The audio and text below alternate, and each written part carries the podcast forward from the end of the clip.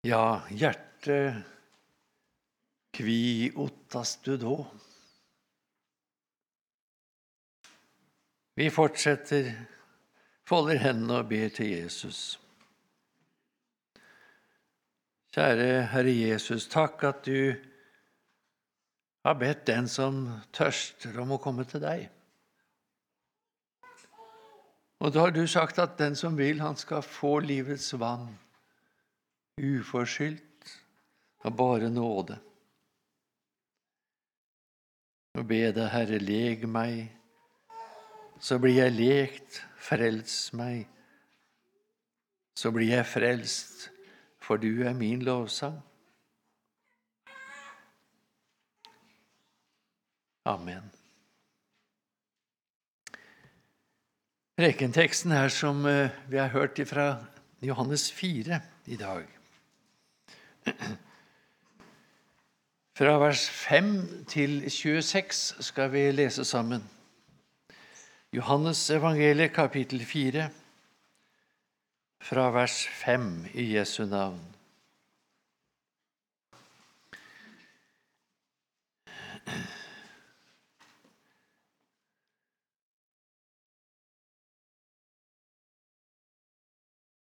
Fra vers 4 skal vi lese. Han måtte da reise gjennom Samaria. Han kom da til en by i Samaria som heter Sykar. Den ligger i nærheten av det jordstykket Jakob ga sin sønn Josef. Der var Jakobs brønn. Jesus var trett etter vandringen og satte seg nå der ved brønnen. Det var omkring den sjette time. Da kommer en kvinne fra Samaria for å dra opp vann. Jesus sier til henne, Gi meg å drikke. Hans disipler var gått inn i byen for å kjøpe mat. Den samaritanske kvinnen sier til ham, Hvordan kan du som er jøde, be meg, en samaritansk kvinne, om å få drikke? Jøder har nemlig ikke omgang med samaritanere.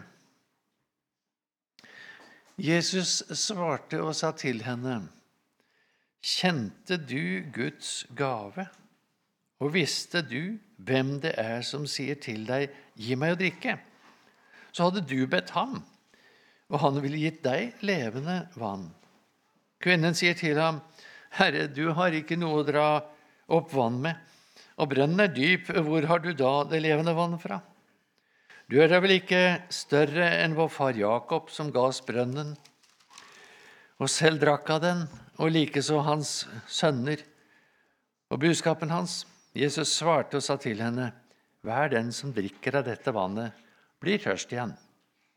Men den som drikker av det vann jeg vil gi ham, skal aldri i evighet tørste, men det vann jeg vil gi ham, blir i ham en kilde med vann som veller fram til evig liv. Kvinnen sier til ham, Herre, gi meg dette vannet, så jeg kan slippe å tørste og gå hit for å dra opp vann. Han sier til henne, Gå og rop på din mann, og kom så hit. Kvinnen svarte, Jeg har ingen mann. Jesus sa til henne, med rette sa du, Jeg har ingen mann. For du har hatt fem menn, og den du nå har, er ikke din mann. Der talte du sant. Kvinnen sier til ham, Herre, jeg ser at du er en profet. Våre fedre tilba på dette fjellet, og dere sier at Jerusalem er stedet hvor en skal tilbe. Jesus sier til henne, Tro meg, kvinne. Den time kommer da dere verken skal tilbe Faderen på dette fjell eller i Jerusalem. Dere tilber det dere ikke kjenner. Vi tilber det vi kjenner, for frelsen kommer fra jødene. Men den time kommer og er nå, da de sanne tilbedere skal tilbe Faderen i ånd og sannhet, for det er slike tilbedere Faderen vil ha. Gud er ånd, og de som tilber ham, må tilbe i ånd og sannhet. Kvinnen sier til ham, 'Jeg vet at Messias kommer, han som kalles Kristus.' 'Når han kommer, skal han forkynne oss alt.' Jesus sier til henne, 'Jeg er det, jeg som taler med deg.' Ja, slik lyder Herrens ord, og vi ber igjen, Hellige Far, hellige oss i sannheten. Ditt ord er sannhet. Amen.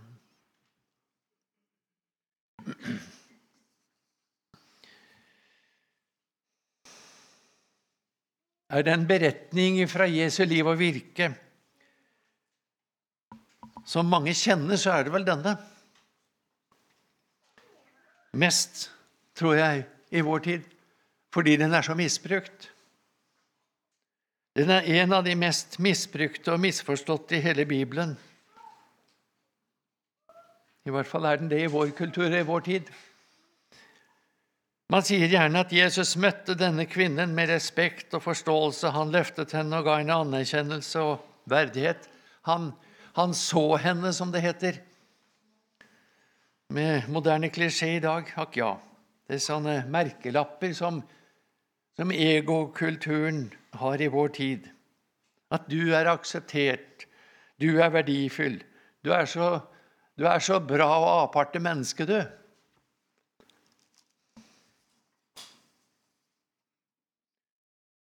Jeg skulle vel ikke si det høyt, men en prest ble intervjuet nylig i en lokalavis og sa at hun følte seg spesielt godt egnet til å være prest, eller prestinne, eller hva det heter. Hun hadde ingen mann, jeg vet ikke om hun hadde hatt noen heller, Hun hadde fem barn med tre menn. Og nå var hun singel og ledig, sa hun. Så hun kjente seg så i slekt med kvinnen fra Samaria som Jesus ja, gikk god for, sa hun. Slik tenker veldig mange i vår tid om denne beretningen. Og skal jeg være ærlig, kjære venner, så hadde jeg lyst til å gå utenom denne prekenteksten i dag. Just fordi den er så, den er så kjent og den er på mange måter så, så utvannet. Å, hva skal jeg si? Og så har jeg vel gjerne talt, kanskje her også, så vidt jeg vet, tidligere over denne teksten. Og da fristes en jo til å prøve å liksom skulle si noe nytt, da, noe annet enn det en har sagt forrige gang. Jeg håper, kjære venn, at du blir skuffet. Jeg håper jeg ikke har noe nytt å si. I hvert fall ikke noe som ikke stemmer med Guds ord. For det gamle evangelium i denne beretningen er like nytt i dag. Og det er livsviktig for evigheten, ser du. Både din og min.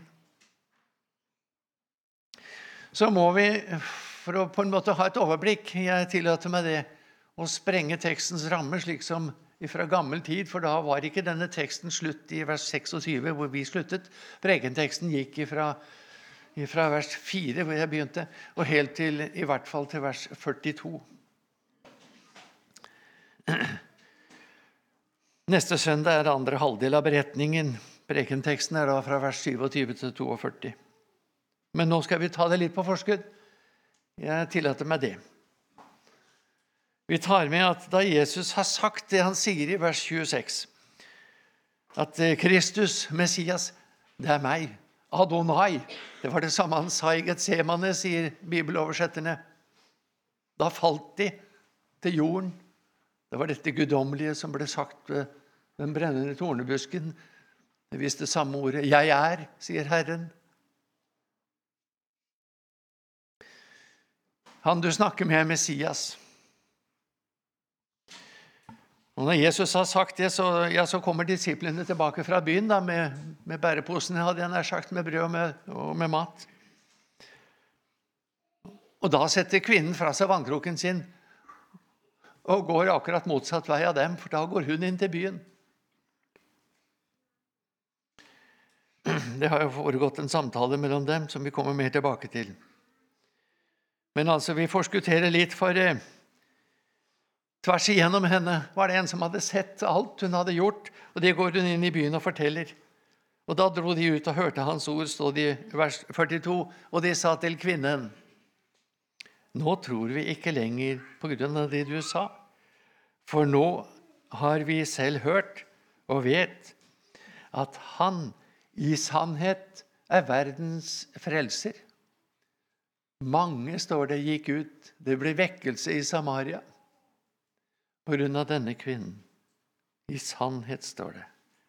Han er verdens frelser, og vi har møtt ham. Vi har selv hørt. Har du?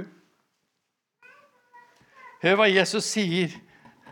Og kom til tro, kjære venn. For troen kommer av forkynnelsen. Forkynnelsen som vi hører, og det må være forkynnelsen av Jesus selv.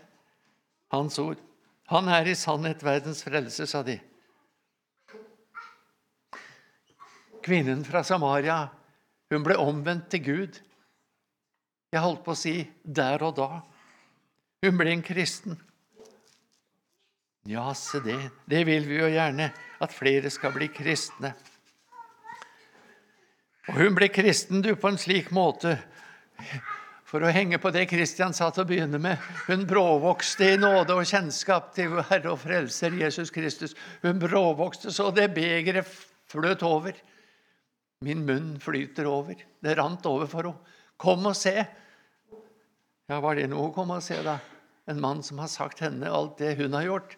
Eh, ja, det er jo ikke så rent lite han da har avslørt. Slik begynte det. Men det ble vekkelse der. Så det har nok vært sagt mer. Jeg skal komme tilbake til det. Så stanser jeg opp litt, og så sier jeg at det var godt planlagt. Her var det ei godt planlagt møteuke, du. Ja, Han var i Samaria to dager, men det kom først etterpå, for det var folk i byen som spurte om han kunne bli der litt lenger. Han var bare trett etter reisen. Han var jo et sant menneske der han satt. Sann Gud og sant menneske. Ja, det kan være godt å planlegge, planlegge en møteuke, men det var det ikke her. Her var det ikke så mye som et bønnemøte på forhånd, tror jeg. Langt mindre noen planer, møteplaner. Nei, nei. Her var, det, her var det jo simpelthen ikke engang en forsamling. Det var en hel del som ikke var her. Ikke engang en liten venneflokk på bedehuset var det. Og langt ifra var her noen kirke. Ingen menighet, ikke noe menighetsråd. Det var ingenting her. Det var ingen strategikonferanse som lurte på hvordan de skulle få nå flere med evangeliet. Kanskje det var noen som hadde fått henne med. Du som må bli med. Det var jo noen som en gang fikk med en som ikke kunne gå sjøl, og de senket han ned gjennom et hull i taket på en båre. Nei da, hun hadde jo gått sjøl, men nå hadde hun slett ikke gått for å møte Jesus. Var det annonsert at uh, Jesus var der? Nei. Nei, slett ikke. Var denne kvinnen egentlig opptatt av å møte Jesus? Nei. Hun, hun ville helst ikke møte noen, og slett ikke Jesus. Det må ha vært den siste hun, hun ønsket å møte. For hun ønsket ikke all den baktalsen hun fikk når hun kom der for å hente vann utenom den sjette time. Da var det få der, visste hun. Vi vil se Jesus, var det noen som en gang sa. Men ikke her. Ikke nå. Ikke hun. Nei. Du, ser du at her var nesten alt motsatt? Her er ingenting som stemmer lenger med alt det som godt er i Guds rikes arbeid og virke. Ja, jeg måtte stoppe litt ved det. Her møter vi et eksempel, tenker jeg på, på han som har veier i tusentall. Herre, du veier i tusentall har. Og hvilken du velger for meg, får være det samme om blott du meg tar til himmelen sammen med deg. Ja, kvinnen ba ikke engang om det. Han høster der ingen sådde. Herrens veier er uransakelige.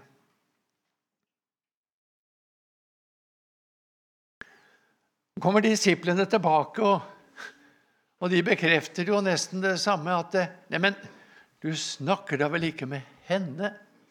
Det, Jesus snakker med en kvinne, og det enda til en samaritansk kvinne. Neimen, at det går an, da. Det var disiplenes holdning. At han ville nedlate seg til å snakke med en slik person.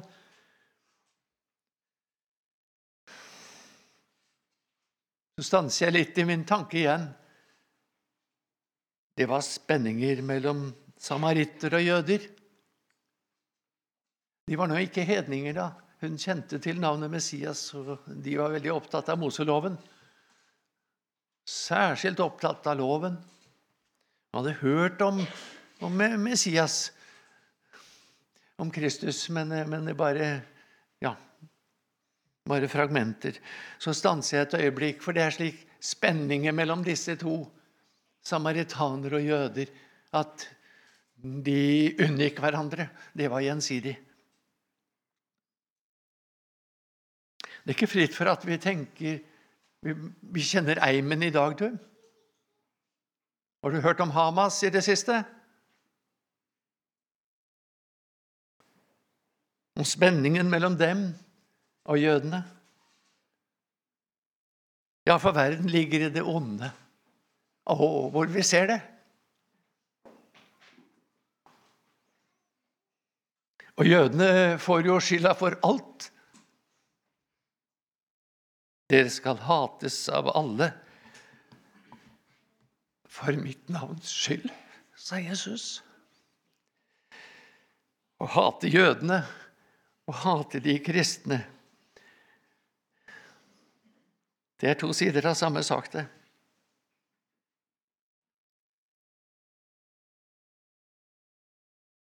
Jeg skjelver i dag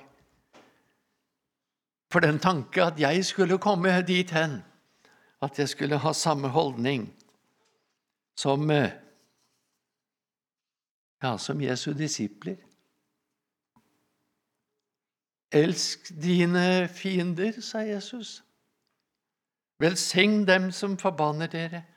Gjør vel mot dem som hater dere. Han har kjærlighet til alle. Alle som er onde. Og da er det ingen han ikke elsker. Derfor elsker han en samaritaner, en nordmann, en verslig. Ikke fordi han er verslig, men en som ikke kjenner Jesus. Han er elsket av Jesus. En Hamas-kriger som islamismen, islamismen har hjernevasket og ødelagt. Derfor elsker han deg og meg, fordi Han elsker sine fiender. Da må du vokte deg så du ikke spiller på lag med Jesu fiender og med jødenes fiender i vår tid. Det har hendt før. Det har kostet flere millioner jøder livet. Hatet mot jødene. for frelsen kommer fra jødene. Og vi ser at åndskampen er blitt så krigersk nærgående, har jeg lyst til å si. Kjenner du, kjenner du brytningene nå? Eller kanskje du sover? Er det en skjebnetid? Er det endetiden? Og du, hvor vi skulle takke Gud, vi som har vært så velsignet å få vokse opp i et fritt land. Jeg tror jeg takker Gud hver dag for at vi ennå har fred i landet. Det kan hende det varer ennå en tid. Vi har mat på bordet, helse og helbred. Vi har det bedre enn de fleste i hele verden.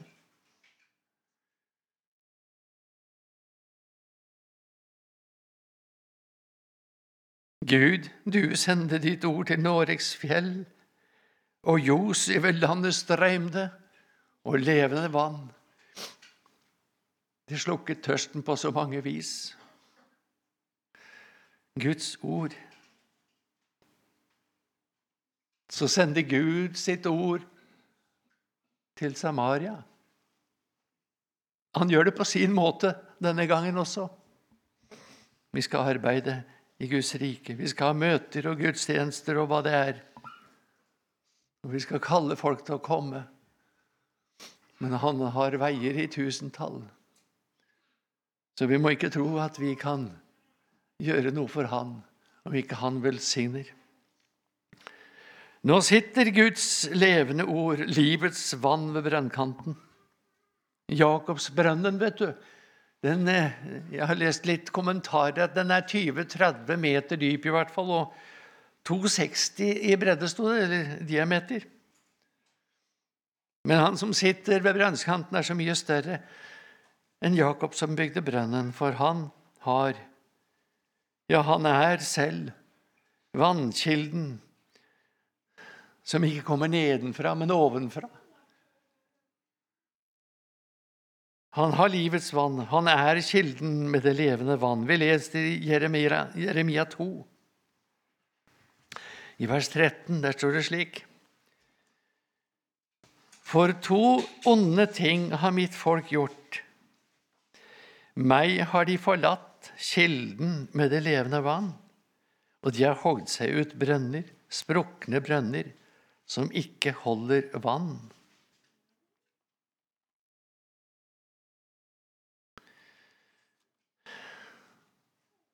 Sjelen, den trenger til hvile, er en gammel, enkel bedehussang.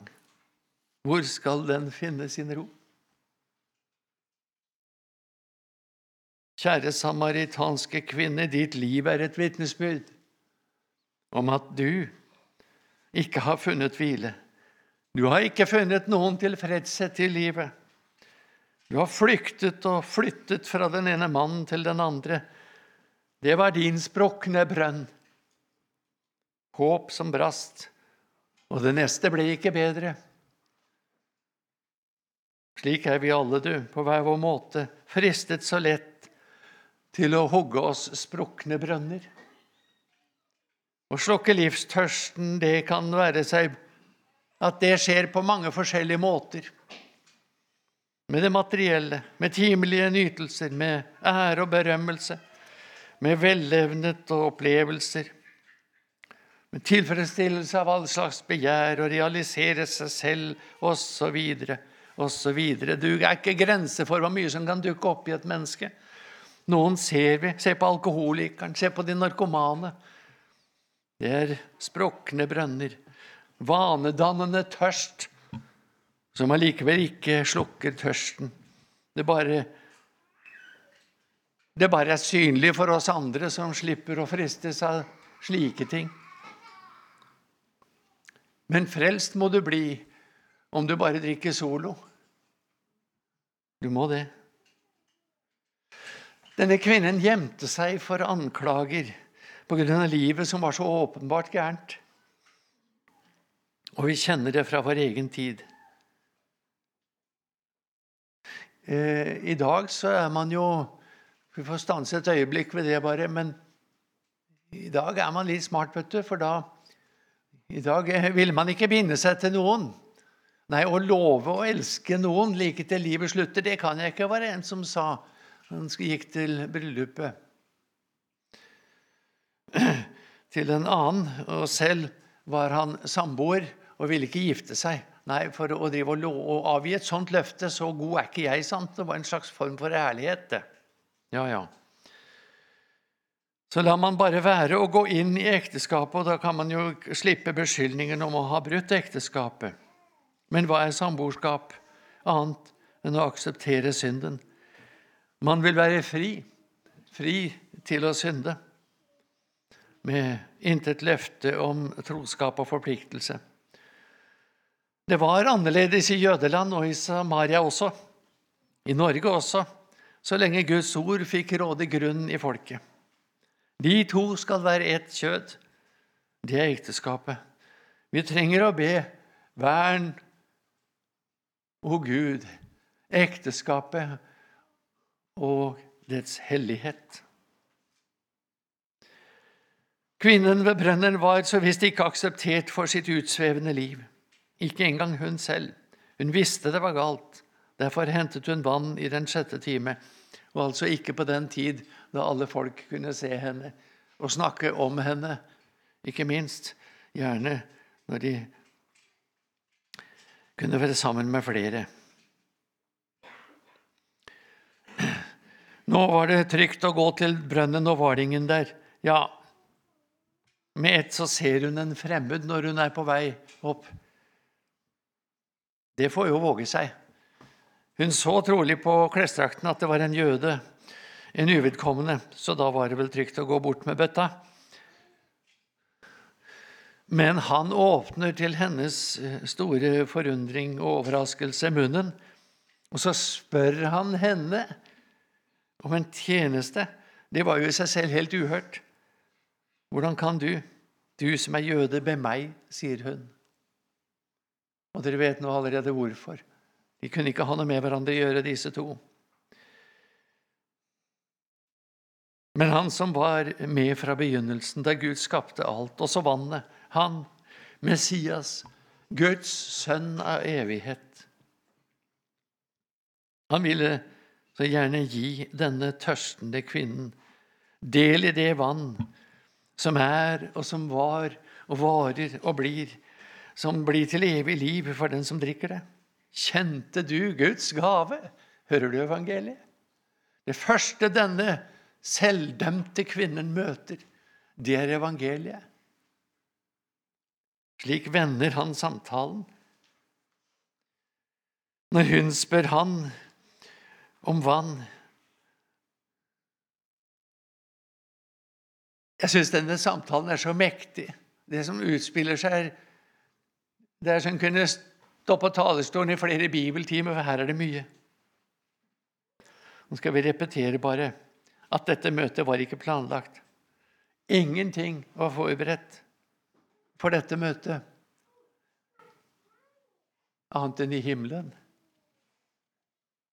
Hvem ledet så denne kvinnen til Jesus? Hva var det som ledet denne kvinnen til Jesus? Nei, du må ikke spørre slik. Det var ingen person som gjorde det, har vi sagt. Men her sitter han som kan mer enn vi forstår å be om. Jeg vet ikke annet å si enn at det som skjedde, det skjedde fordi han har all makt i himmel og på jord, og han gjør hva han vil. Her bruker han sin allmakt. Og så skjer det gjennom samtalen. Bringes hun til Jesus. Fysisk har hun på sine to bein gått, ikke for å møte han, men for å hente vann. Gjennom samtalen så møter hun ikke en jøde som hun ikke har noe med å gjøre. Men gjennom samtalen møter hun Jesus og får se og høre hvem han er. Han er den levende Messias, Guds sønn. Det var samtalen som ledet henne til Jesus, sier Eivind Andersen. Jeg syns det er fint sagt. Jeg for min del har ikke så lett for å be folk jeg ikke liker, om hjelp. Gjør du det? naboen din, folk som er litt Kanskje litt for verslige, ikke minst. Vi får holde litt avstand til dem, ikke sant? så de ser at vi er kristne.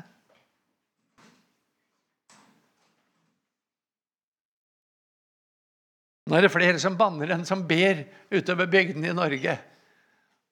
De som skulle be mye, det var de som har venner og naboer som banner mye. Du har en tjeneste der du er.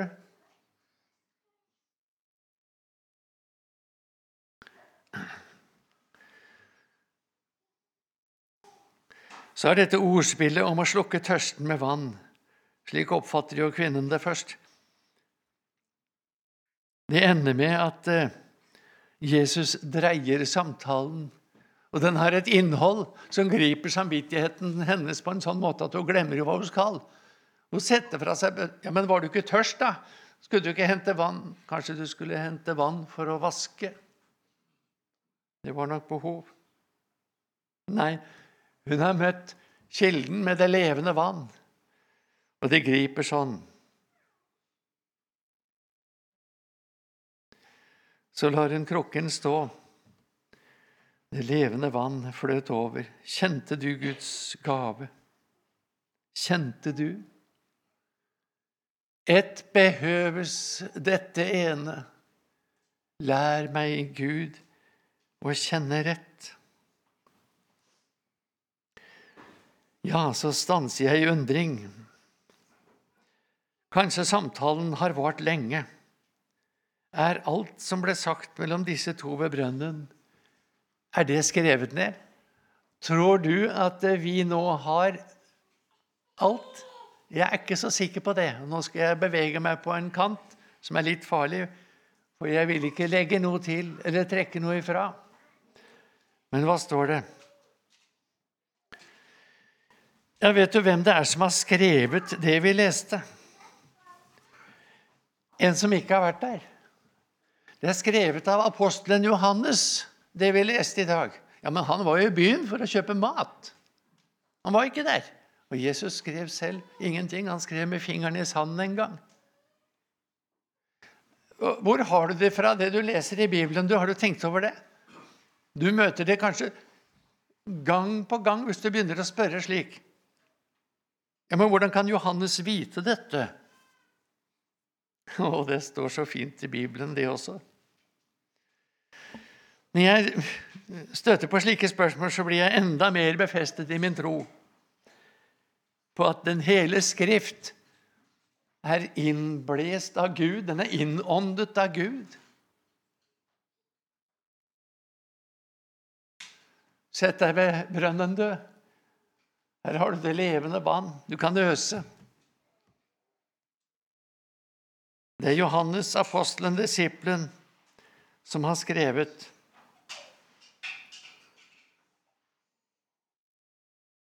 Og det får være nok for deg og meg, det som er skrevet fra denne samtalen, som Johannes ikke var til stede og hørte et ord av. Ikke da, så langt vi forstår. Ja, Men hvordan kan det da henge sammen? La meg skynde meg å si det er nok, det som står skrevet. Det er nyttig til lærdom lærdom i kristendom. Det er nok, det som står. Og er det så vanskelig, da, dette med Johannes, disiplen, at han var i byen for å kjøpe mat akkurat i det øyeblikk samtalen foregår? Skal du holde på slik du har plukkestykke i Bibelen, så, så gå tur. Det er veldig lett vei. Det er ikke noe problem å finne massevis av slike eksempler. Det blir ingenting igjen av Bibelen til slutt. Hvor tror du Moses var hen i skapelsen da? Han har skrevet i begynnelsen var ordet. Og ordet var i begynnelsen skapte Gud himmelen og jorden, står det i første Mosebok 1. Hvordan kan Moses vite det da, hvis det er han som har skrevet det? Han var jo ikke der. Så han kan holde på gjennom hele Bibelen. Men den disippel som skrev dette, apostelen Johannes, han skriver selv i det siste verset i Johannesevangeliet i det siste verset i Johannesevangeliets Vi må slå opp det. Det er ikke så ofte det prekes akkurat over det verset, for det er jo ikke I vers 25 i kapittel 21 så står det slik Men det er også mye annet som Jesus har gjort. Skulle det skrives ned, hver ting for seg? Da mener jeg at ikke hele verden vil romme de bøker som da måtte skrives. Har du problemer med Guds ord? Ja, det har du nok hvis du tror at det er ditt vesle vett som skal sprenge forståelsen og forstanden. Nei, vesle vettet strekker ikke til, het det i gammel tid på nynorsk. Ei tru må stydja opp under. Tro på Gud og tro på meg, sier Jesus. Den som tror, han skal få se. Det er nok det som er skrevet, for den hele Skrift er innåndet av Gud. Jeg sier det igjen. Og hvert ord Jesus sa, om hvert ord Jesus sa, var skrevet ned, det spiller ingen rolle for deg og meg. Men for kvinnen som møtte Jesus, så var det han sa til denne kvinnen der og da, det var tilstrekkelig til at hun ble kjent med den levende Gud. En som kjenner Gud, ble hun.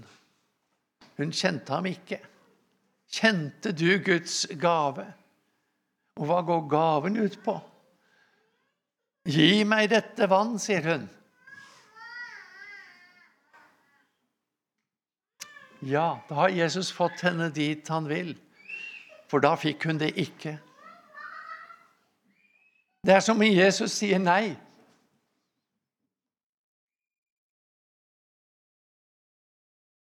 Gunnar Nilsson borti Sverige han sier da sende Jesus skottet. Så skjøt han inn i samvittigheten. Gå og hent mannen din først. Hit.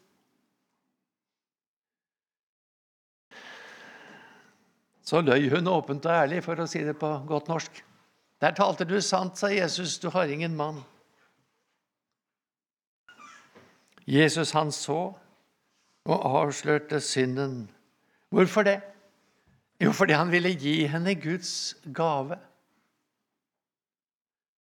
Hvordan skal du bli kjent med Guds gave? Du må få bruk for den først. Du må få bruk for den, kjære synder. Når jeg vil lege Israel, da åpenbares Efraims misgjerning og Samarias ondskap, står det hos Hosea 7, vers 1. Ja, slik åpnes veien for evangeliet i dette mennesket.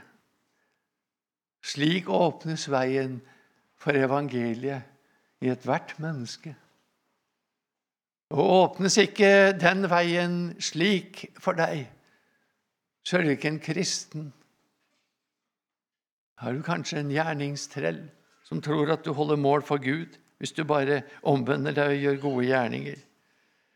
Kom og se en mann som har sagt meg alt jeg har gjort. Han skulle vel ikke være Messias, Kristus, den rene, sanne Gud. Han som ble ført opp til et kors.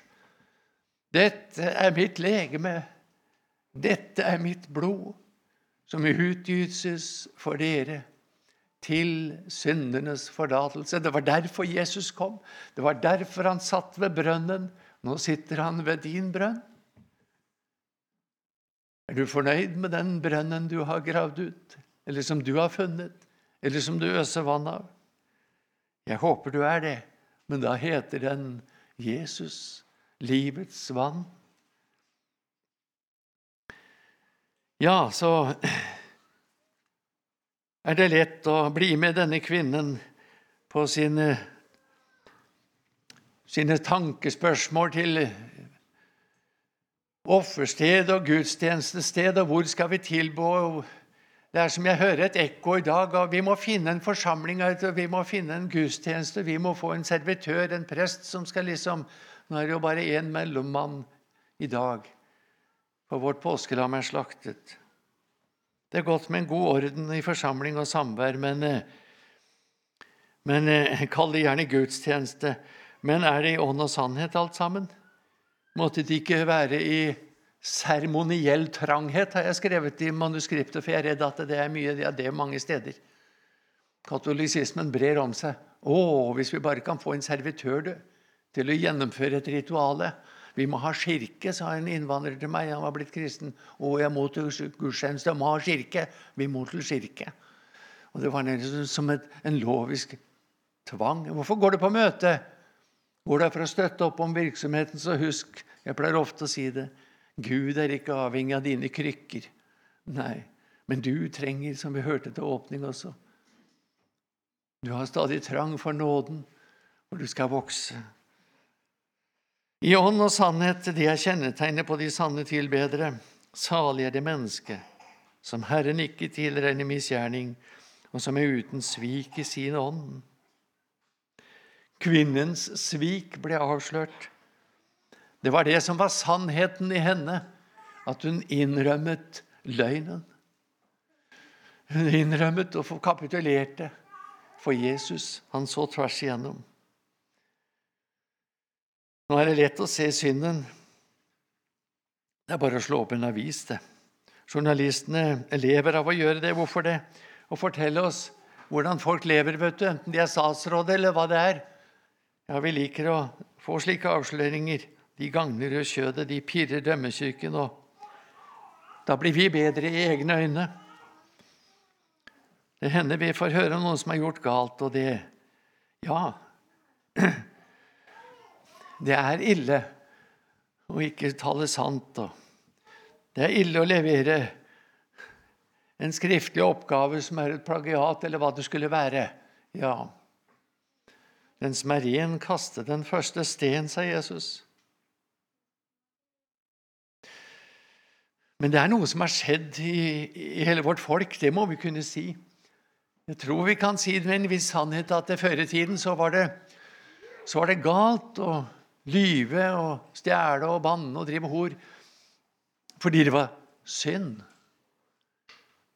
Nå er det også galt hvis det blir oppdaget. Er det samvittigheten som rammes, tenker jeg? Eller er det at man er lei seg fordi man har fått en ripe i lakken? Vi får eh, stille oss foran vårt eget speil. Kvinnen ble tatt alene med Jesus. Hun kunne holdt fast på den falske forklaringen, men samvittigheten gnog henne. Og Hans hellige ånd, sannhetsånd, for igjennom henne. Gud ser alt.